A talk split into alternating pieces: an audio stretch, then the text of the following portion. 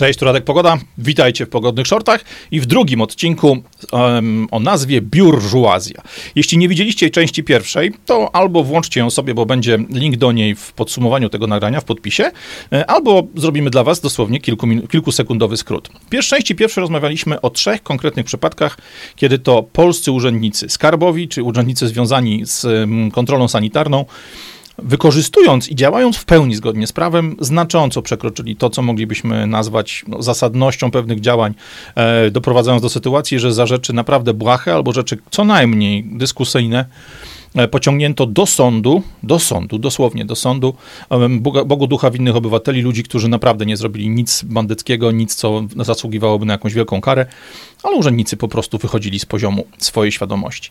E, zakończyliśmy ten pierwszy odcinek podejściem takim, czy z podsumowaniem takim, że problem nie dotyczy tych trzech opisywanych przeze mnie przypadków, czyli dziewczyny, która sprzedawała wiśnie gdzieś tam w miejscowości pod Wałczem, e, innej dziewczyny, która sprzedawała lody i teoretycznie nie wydała urzędnikowi skarbowemu paragonu, choć kamery monitoringu pokazują, że było zupełnie inaczej, a także sytuacji, w której właściciel warsztatu e, pomagający osobie, która przyjechała ze spaloną żarówką, został ukarany za to, że nie wystawił paragonu, mimo tego, że pomagał po zamknięciu warsztatu, po wyłączeniu już kasy fiskalnej, komputera i tak dalej, a cała akcja była po prostu prowokacją lokalnego urzędu skarbowego. Rozmawialiśmy o tym, że to nie jest problem tych trzech urzędników, czy tych trzech zestawów urzędników, bo de facto zawsze takie kontrole odbywają się przynajmniej w dwuosobowych zespołach, że to jest problem związany związany w ogóle z kulturą prowadzenia działalności, czy z kulturą operacyjną naszych służb skarbowych, naszych służb w ogóle urzędniczych, szerzej pojętych, e, i że jest to pewny rys psychiczny polskiej biurżuazji, e, wywodzący się z tego, że ci ludzie przez ostatnie kilkadziesiąt lat zostali nauczeni tego,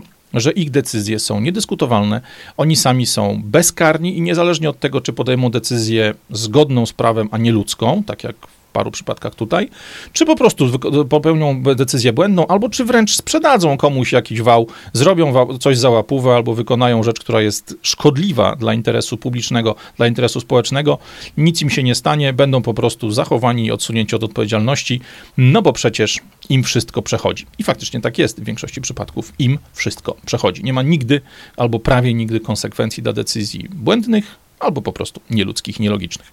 Natomiast tu jest bardzo ważna rzecz. Mówi się bardzo powszechnie, jeżeli taka sytuacja wypływa, jeżeli nagłaśniają ją media, jeśli nagłaśniamy ją my sami przy pomocy social mediów, mówimy bardzo często, ach, bo to wszystko problem w tej chwili, tej, tej powiedzmy trzeciej RP, tego, że po upadku komuny urzędnicy nadal podchodzą do tematu dziadowsko. Przed wojną, panie, przed wojną to było lepiej, bo przed wojną urzędnicy odpowiadali za swoje decyzje, przed wojną urzędnicy płacili za swoje błędy.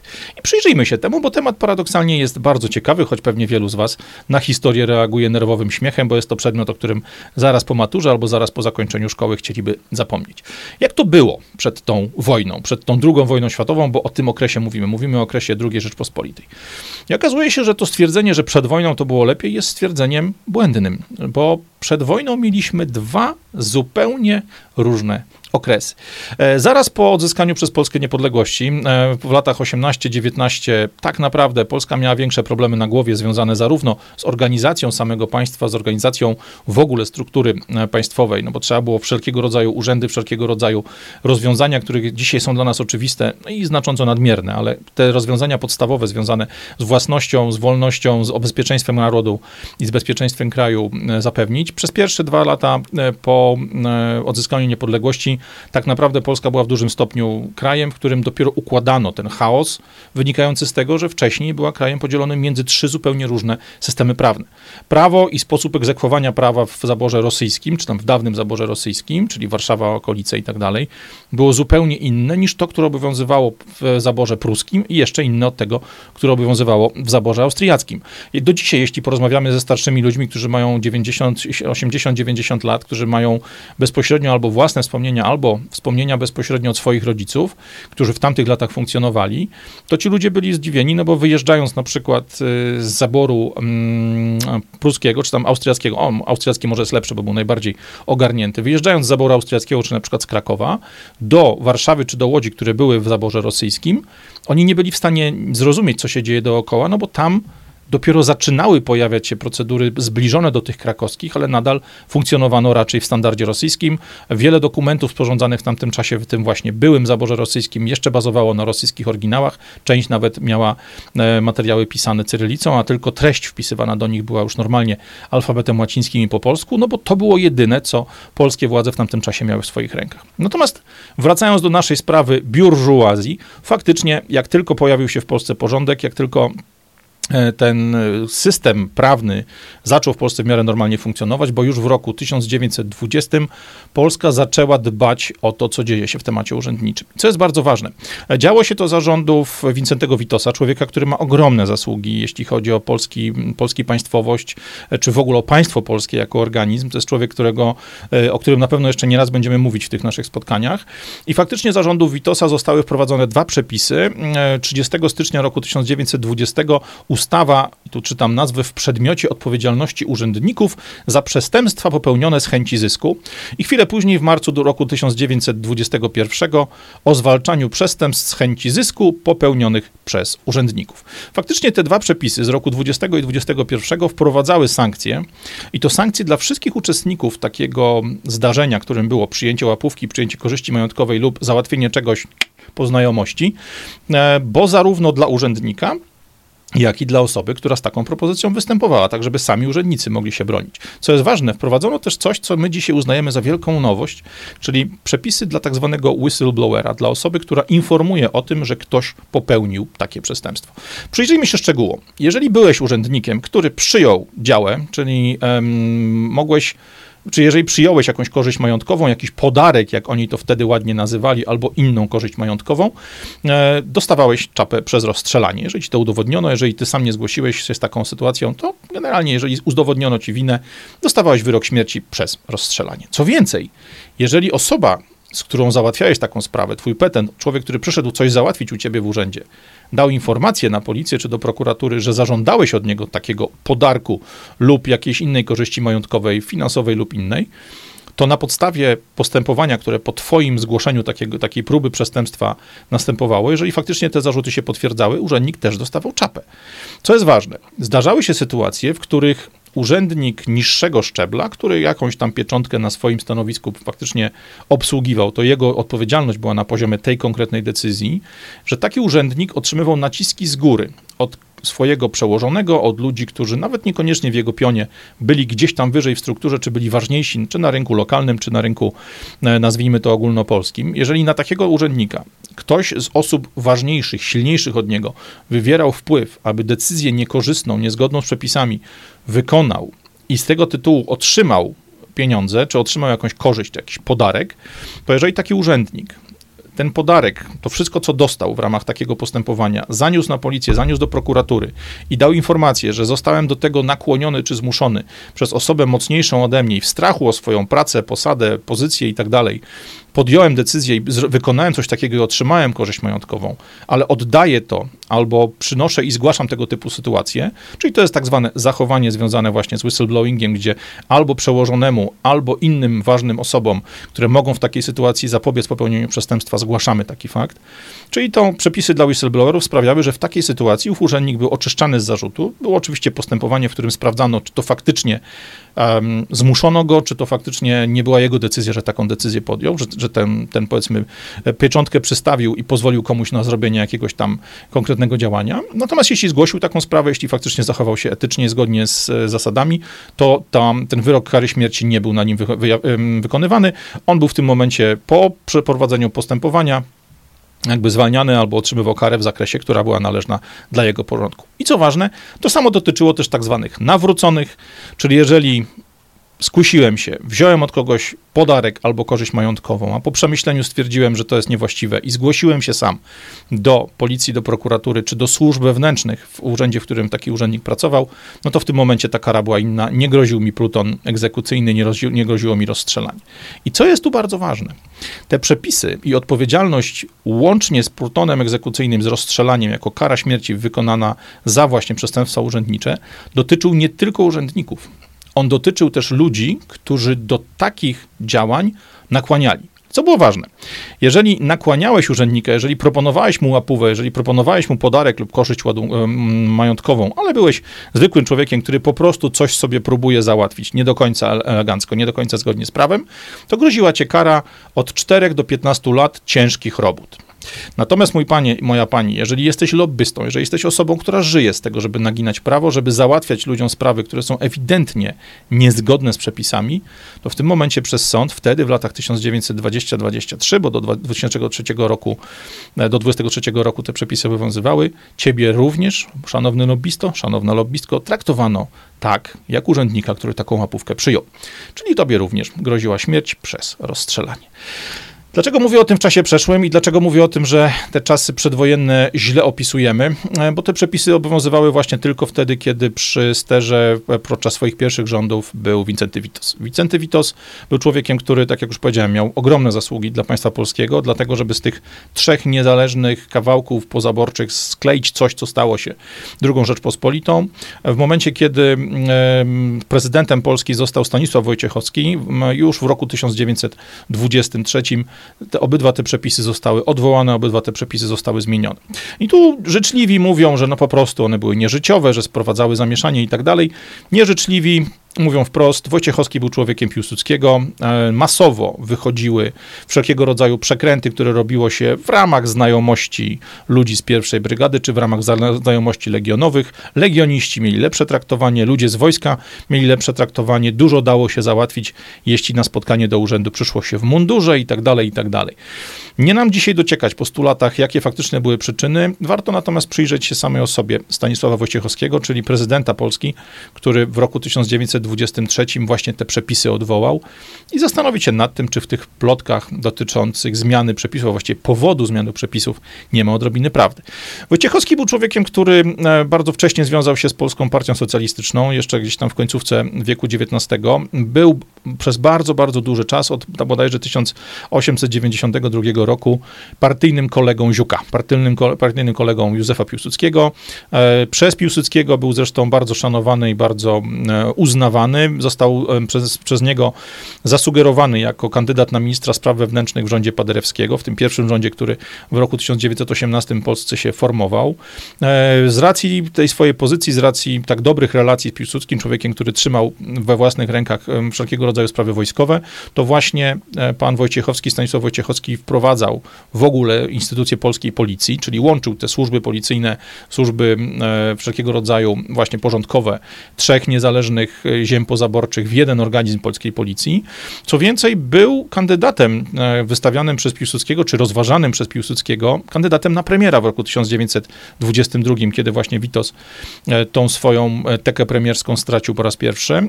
Natomiast, co jest bardzo ważne, po zabójstwie Narutowicza, to właśnie Wojciechowski przez Zgromadzenie Narodowe został wybrany na prezydenta Polski. Co jest jednak bardzo istotne. Mimo tego, że Wojciechowski był przyjacielem Piłsudskiego, to im dalej idziemy w czas, im dalej odchodzimy od tej pięknej karty z początku właśnie roku 18-19, kiedy Polska była budowana z tych, z tych trzech fragmentów i kiedy wszyscy pracowali w miarę mocno ramię w ramię, im więcej czasu upływa od tego momentu, im więcej pojawia się takich zdarzeń, które nazywa się po prostu codzienną kuchnią polityczną, czyli mówiąc nieelegancko, tym syfem politycznym, syfem decyzji podejmowanych pod naciskiem różnych stronnictw, tym bardziej Wojciechowski od Piłsudskiego się oddalał. E, kiedy został prezydentem, e, generalnie rzecz biorąc, bardzo mocno próbował stać na straży prawa i ten faktycznie podejmował wiele decyzji, które nie podobały się Piłsudskiemu, a przede wszystkim nie podobały się jego otoczeniu. E, a w otoczeniu Piłsudskiego dzieje się wiele rzeczy, czy działo się wiele rzeczy, na ten temat. Można pewnie nakręcić kilkanaście pro programów, rzeczy absolutnie skandalicznych, związanych z ogromnymi malwersacjami, z ogromną niegospodarnością, e, z tym, co jakbyśmy oglądali właśnie, nie wiem, gazety z tamtych lat, no bardzo mocno przypomina gazety dzisiejsze, kiedy patrzymy na wyczyny panów Sasina, Suskiego, Morawieckiego, Dworczyka, e, Niedzielskiego i wielu, wielu, wielu innych, którzy w ramach rządów PiSu zasłużyli się nie, niezmiernie dla Polski, a pewnie jakbyśmy poczytali gazety z lat 2007-2015, czy jeszcze wcześniejsze, to znaleźlibyśmy bardzo wiele podobnych sytuacji sytuacji w rządzie PO-PSL, a wcześniej jeszcze w rządzie pierwszego PiSu i wcześniej w rządzie Lewicy i wcześniej w tym całym bałaganie po roku 1989. Co jest bardzo ważne, to właśnie stąd wywodzi się ta dzisiejsza biurżuazja. To właśnie z tych z tego momentu od roku 26, od, od przewrotu majowego, kiedy to prezydent Wojciechowski postawił się Piłsudskiemu, kiedy to Piłsudski musiał w, zablokować mosty w Warszawie, kiedy do, dokonał zbrojnego przewrotu, w którym zginęło tam ponad 200 osób i tak dalej, i tak dalej, e, tam prawie 300 osób, nawet nie pamiętam dokładnych cyfr, Mimo tego wszystkiego Wojciechowski wychodził z założenia, że nie wolno pozwolić na to, aby tylko i wyłącznie historia legionowa czy historia związana z Piłsudskim sprawiała, że państwo może być traktowane jako własność prywatna naczelnika i jego hunty, naczelnika i jego ekipy. E, kiedy pojawiło się hasło o tym, że no w trakcie walk z Piłsudskim w czasie przewrotu majowego należy zabrać rząd z Warszawy, przenieść go do Poznania i próbować faktycznie organizować opór przeciwko ekipie Piłsudskiego, ekipie związanej właśnie z tą tradycją legionową, e, Witos wraz z Wojciechowskim stwierdzili, że to doprowadzi do wojny domowej, to doprowadzi do bratobójczej walki. Nie wolno pozwolić na to, żeby zginął ktokolwiek jeszcze w ramach tych, do tego prost, prost przewrotu e, politycznego, który przez Piłsudskiego został uruchomiony.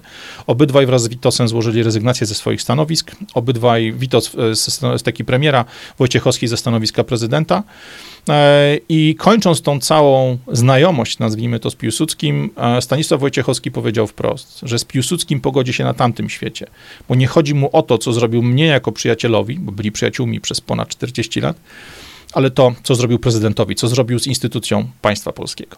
I myślę, że tu jest taki moment, w którym mamy faktycznie tą chwilę, kiedy zmieniają się zupełnie relacje urzędników wobec państwa, czy ludzi wobec państwa, ludzi na stanowiskach, może powiedzieć szerzej, wobec państwa. E, Piłsudczycy przejęli władzę w sposób e, całościowy, e, sięgnęli praktycznie po wszelkie możliwe komórki władzy. Oczywiście wtedy na początku, w maju roku 26 zajęli się tylko najważniejszymi urzędami, tym, żeby chwycić to zarządzanie całym już wtedy w miarę posklejanym krajem. Natomiast prawda jest taka, że Piłsudczycy planowali to dużo wcześniej. Witos już dwa dni przed przewrotem 10 maja ostrzegał Wojciechowskiego, że do przewrotu może dojść. Wojciechowski skwitował to prosto, mówiąc zaraz, niemożliwe, bo Piłsudski ze mną rozmawiał, dał mi słowo honoru, że nigdy nie zaryzykuje stałości i stabilności Polski, stabilności kraju, który podnosi się z rozbiorów dla własnych interesów. No już dwa dni później pokazał, ile warte jest jego słowo. Natomiast to właśnie wtedy od czasów przewrotu majowego zmienia się zupełnie obraz polskiego urzędnika, zmienia się obraz ludzi, którzy obsługują, którzy tworzą państwo polskie od strony administracji. Po przewrocie generalnie było tak, jak jest dziś. Jeżeli byłeś Piłsudczykiem, jeśli byłeś albo legionistą, albo osobą, która z tą frakcją polityczną, z tą frakcją polityczno-wojskową jest związana, wolno ci było wszystko.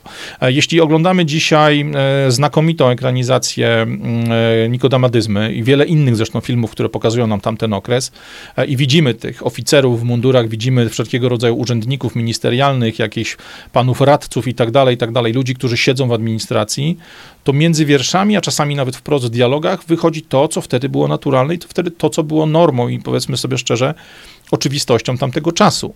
Jeśli jesteś razem z huntą rządzącą, jeśli jesteś razem właśnie z Towarzystwem Piłsudskiego lub ludzi jemu e, życzliwych, ludzi, którzy z nim są powiązanych, wolno ci zrobić wszystko. I od tamtej pory to zachowanie nam się utrzymuje. Po II wojnie światowej to samo dotyczyło ludzi związanych z partią. Na początku z, z partiami jeszcze rozdzielonymi, PPS, PPR, później już z PZPR-em, później ze służbami wojskowymi, służbami specjalnymi wojskowymi, które przejęły władzę wraz z generałem Jaruzelskim ta mentalność urzędnika, który jest ponad prawem, mentalność urzędnika, który żyje w swoim świecie, który jest nieomylny, który jest niezawisły, który wszystko może, bo jest całkowicie bezkarny, ta mentalność ciągnie się za nami od roku 1926, od maja, od przewrotu majowego, który poprowadził Piłsudski i ludzie jemu przychylni.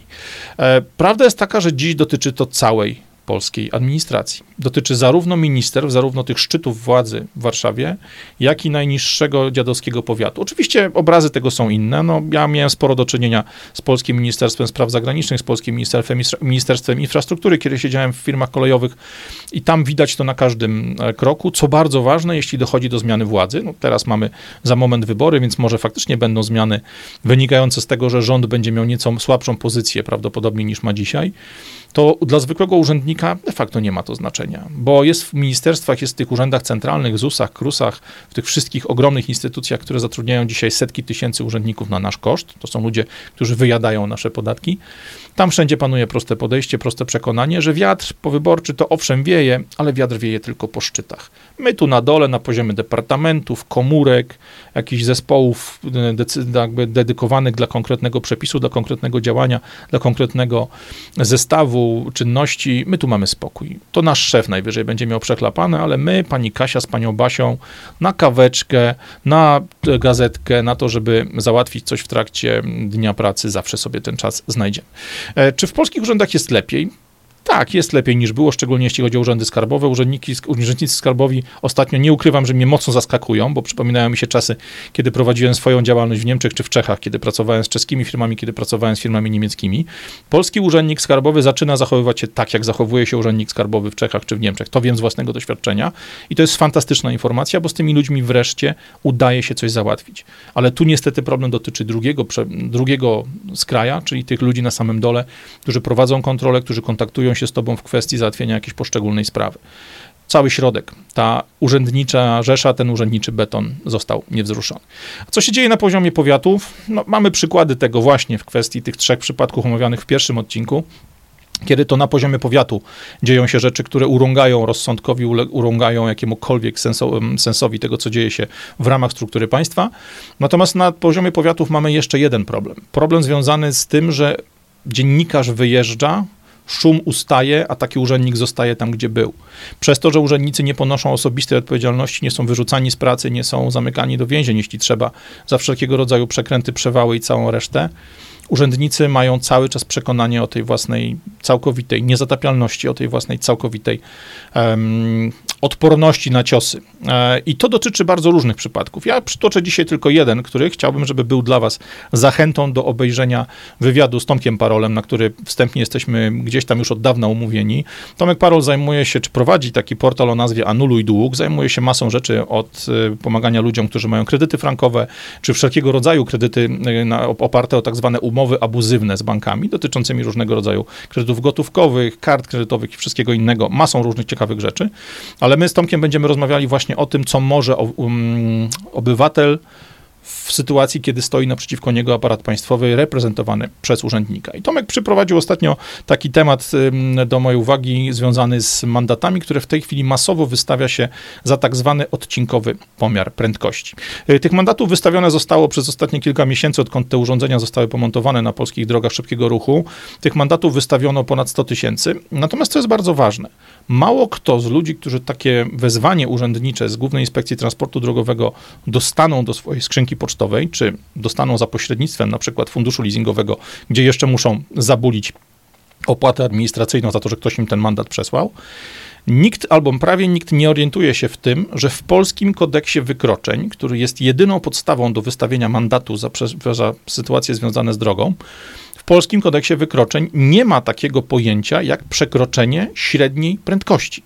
Żeby stwierdzić, że ktoś przekroczył dopuszczalną prędkość, trzeba wskazać czas i dokładne miejsce. I tym miejscem nie jest 14 km między bramką a i bramką B na drodze S7 gdzieś tam w Polsce, że gdzieś na tych 14 kilometrach jechał tak szybko, że średni czas wyszedł mu za, za krótki i ta prędkość ewidentnie no, z, z matematyki wynika, musiała być za wysoka, to nie jest podstawa do tego, żeby obciążyć cię mandatem. Ale to trzeba wiedzieć. Do tego trzeba mieć świadomość tego, jakie są prawa, do tego trzeba mieć świadomość tego, że może z nami stanąć ktoś, kto w takiej sytuacji sporu z um, urzędnikami może spokojnie stanąć po naszej stronie. Mamy więc do czynienia z sytuacją, w której około 100 tysięcy mandatów właśnie za przekroczenia, czy tam inaczej, za wykazane przez e, strefy mierzenia prędkości średniej um, zdarzenia, te, które pokazują, że prędkość średnia danego samochodu w danym czasie, na danym odcinku była zbyt średni czas przejazdu był zbyt mały, więc gdzieś tam prawdopodobnie doszło do przekroczenia prędkości. Wszystkie te 100 tysięcy mandatów jest do podważenia. Co więcej, to jest nie tylko do podważenia, to jest coś, co Tomasz określa jako bezprawna praktyka urzędnicza. Nam, jako osobom oskarżonym o takie przekroczenie prędkości, czego nie ma w prawie, wolno jest urzędnika wezwać i postawić go przed sądem, ponieważ formułowanie wezwań i zarzutów sądowych przez funkcjonariuszy Głównego Inspektoratu Transportu Drogowego jest masowym przekroczeniem uprawnień. To są ludzie, którzy nadużywają swojej władzy urzędniczej w tym konkretnym zakresie, w ramach tych konkretnych przepisów, w takim konkretnym przypadku. Co więcej, ci ludzie podpadają też pod oskarżenie, znaczy tam pod przestępstwo, przestępstwo z kodeksu karnego, z artykułu 234 kodeksu karnego, e, pod przestępstwo fałszywego oskarżenia. No bo jeżeli nie ma takiej instytucji jak przekroczenie prędkości stwierdzone przy pomocy urządzeń do pomiaru prędkości średniej, no to w tym momencie oni rzucając na nas takie oskarżenie, de facto dokonują przestępstwo fałszywego oskarżenia. Kodeks karny, artykuł 234. Kara za coś takiego to albo grzywna finansowa, albo wyrok um, pozbawienia wolności nawet do dwóch lat. Oczywiście do pewnych ekstremów nie dojdzie, ale Tomasz mówi wprost. Jeżeli jesteśmy w sytuacji, w której urzędnik naszym zdaniem narusza prawo albo zachowuje się w sposób nieracjonalny, niewspółmierny do skali tego, co zrobiliśmy jako obywatel, albo nie mając świadomości e, tego, że robimy coś źle, albo dokonując rzeczy, która jest niezgodna z prawem, ale no, jej znaczenie, jej uciążliwość, jej szkodliwość jest znikoma, nie powinniśmy się bać. I tutaj powinniśmy tak naprawdę zadbać o to, żeby nasz tyłek był zabezpieczony. Po pierwsze, musimy mieć nazwisko urzędnika lub urzędników, którzy prowadzą czynności związane z tym podejrzeniem czy oskarżeniem o mm, dokonanie wykroczenia lub przestępstwa. Musimy wyciągnąć od tych ludzi podstawę prawną, na jakiej podstawie prawnej pan policjant albo pani urzędniczka dokonuje interwencji, dokonuje takiego, z takiej sytuacji. I co ważne, macie prawo wyjąć telefon, tą podstawę prawną macie prawo nagrać albo sobie zapisać na kartce papieru, bo pieprzenie o tym, że urzędnik może wam zakazać nagrywania swojej twarzy, swojego nazwiska czy czegokolwiek innego, jest bzdurą. W momencie wykonywania mm, jakby zatrzymania, jeżeli chodzi o policję, w momencie wykonywania czynności, urzędnik jest urzędnikiem. Wy nie macie prawa publikować jego wizerunku, ale to, żebyście ten wizerunek mieli, żebyście mieli zapisane czy nagrane jego imię, nazwisko, stanowisko służbowe, stopień służbowy, czy tam numer służbowy, jeśli jest mowa o policjancie i tak dalej, podstawę prawną, to są rzeczy, do których macie prawo. Co więcej, wy możecie prawo mieć również wasze własne dowody w tej sprawie. Jeżeli macie kamerę wewnątrz samochodu, która zanotowuje prędkość, albo na której widać na przykład z jaką prędkością migają obok was znaczki e, tych odległości, tych 100-metrowe znaczki na, na drodze, e, możecie wykorzystać takie nagranie do tego, żeby udowodnić, że wasza prędkość w danym miejscu nie była przekroczona. Możecie mieć nagranie rozmowy z tym, z tym urzędnikiem, możecie mieć wiele innych rzeczy. Tu warto jest wejść w szczegóły i warto poznać te wszystkie swoje prawa. Zresztą my o części z tych praw będziemy na pewno rozmawiali. Ale jeśli jesteście przekonani, że to, co zrobiliście, nie jest przestępstwem, nie jest wykroczeniem, albo jego wartość jest niewspółmierna, czy jego waga jest niewspółmierna do tego, co rzuca, czym grozi wam urzędnik państwowy z pozycji swojej super ważnej osoby e, właśnie w ramach polskiej krajowej, czy tam narodowej biurżuazji, czy bardziej krajowej niż narodowej biurżuazji, macie prawo odmówić przyjęcia mandatu, macie prawo odmówić potwierdzenia tego, że faktycznie dopuściliście się wykroczenia, czy dopuściliście się przestępstwa. Proście o skierowanie, sprawy do sądu. W najgorszym wypadku troszeczkę wzrosną wam koszty, ale będziecie mieli czas się zastanowić na zimno, przygotować sobie linię obrony, potwierdzić swoje przepisy itd., tak itd. Tak Co jest wtedy bardzo ważne? Jeżeli taka sytuacja miała miejsce, jeśli zgromadziliście swoje dowody, jeżeli macie zapisane nazwisko, stanowisko, podstawę prawną takiego, takiego czynu, czy takiej, takiego kontroli, czy takiego zatrzymania, natychmiast szukajcie prawnika, który stoi zna, zawsze po naszej stronie. Prawnika, który chce reprezentować zwykłego obywatela w starciu z tą urzędniczą biurżuazją. E, na temat takich prawników, na temat takich ludzi, którzy w covid czy w wielu innych sytuacjach nie boją się stanąć przeciwko urzędom, nie boją się stanąć przeciwko urzędom miasta, urzędnikom na poziomie lokalnym, wojewódzkim, powiatowym, krajowym i tak dalej, i tak czy nawet europejskim. E, będziemy rozmawiali z innym gościem serii Pogadajmy z Pawłem Nogalem, człowiekiem, który mocno zasłużył się właśnie za walkę w imieniu zwykłych obywateli w czasach covidowych. Natomiast pamiętajcie, nie wolno traktować urzędnika jako osoby, która jest jakimś egipskim kapłanem, która jest waszym władcą, która może z wami zrobić wszystko. Tak długo, jak ci ludzie poruszają się w granicach prawa, tak długo, jak nie są po prostu skorumpowani albo zdesperowani do poziomu takiego, żeby was zastrzelić, wyrzucić, wywieźć nad Wisłę i utopić, macie swoje prawa i brońcie ich do samego końca. Świadomie, z pełną otwartością, z pełnym spokojem, to ci ludzie są tylko urzędnikami. Po godzinie 16 czy po godzinie zakończenia swojego dyżuru, tą cholerną czerwoną pieczątką albo służbowy pistolet i bloczek mandatowy zostawiają w szafce i od tego momentu wychodząc przez drzwi urzędu, jednostki policyjnej czy wojska, czegokolwiek innego, to są tacy sami obywatele jak ty czy ja. Z tymi ludźmi można walczyć, a bardzo często niestety, jak pokazują te przykłady Wiśni, paragonu czy nalotu na zakład mechaniczny, zakład warsztat samochodowy, z tymi ludźmi trzeba walczyć, bo są po prostu rozpasani jak klasyczna burżuazja, a w tym wypadku biurżuazja. Na temat y, naszej możliwości obrony przed niekorzystnymi decyzjami urzędniczymi będziemy gadać z Tomkiem Parolem, będziemy gadać z Pawłem Nogalem, będziemy gadać też z kilkoma innymi osobami, które już są na liście osób, które chcę zaprosić do wywiadu w ramach serii Pogodajmy. E, ten pierwszy wywiad, e, który mieliśmy w poniedziałek z Kroćpok z Bujem, e, czyli Danielem Flaką, e, podsumowujący naszą małą twitterową awanturę o mapy pogody, e, wywołał bardzo dobre, bardzo pozytywne wrażenia po waszej stronie. Więc ta seria Pogodajmy, którą tu widać za mną na Neoniku, będzie kontynuowana. A my pamiętajmy, nieważne czy sprzedajemy wiśnie, wydajemy paragony po lodach, czy obsługujemy kogoś, kto po zamknięciu warsztatu samochodowego prosi o wymianę żarówki, nawet jeśli zrobi się z tego głębszy bałagan, nie bójmy się. Zapiszmy, zróbmy dowody, własne dowody, wyciągnijmy od tego urzędnika jego dane, podstawę prawną tego, co robi, a jeśli trzeba, popytajmy naszych znajomych w mediach społecznościowych, czy ktoś nie ma kontaktu właśnie do dziennikarza, do kogoś, kto siedzi w gazecie lokalnej albo jakiejś tam regionalnej. I jeśli nie da się inaczej, to wykorzystujmy z jednej strony dobrych prawników i drogę sądową i prawną, z drugiej strony nagłośnienie całej sprawy, tak aby może nawet bez sądu albo tylko i wyłącznie sąd był formalnością, bo może się okazać, że w tym państwie z który Wystarczy nacisk na centralę takiego urzędu czy centralę takiej instytucji na poziomie Warszawki, nacisk medialny, nacisk społecznościowy, żeby temat dał się załatwić niezależnie od przepisów. Bardzo Wam dziękuję za ten drugi odcinek serii Biurżuazja. Puśćcie go swoim znajomym, szczególnie tym, którzy już, którzy już mieli problemy ze Strażą Miejską, Strażą Wiejską, z mandatami z różnego rodzaju wątpliwych e, decyzji urzędniczych, czy po prostu bory, borykają się z tym, że ktoś im robi krzywdę przy pomocy bloczka mandatowego albo e, jakiegoś dokumentu pokontrolnego. Niech sobie to obejrzą, niech zobaczą, że w takich sytuacjach mamy szansę, że w takich sytuacjach warto jest walczyć.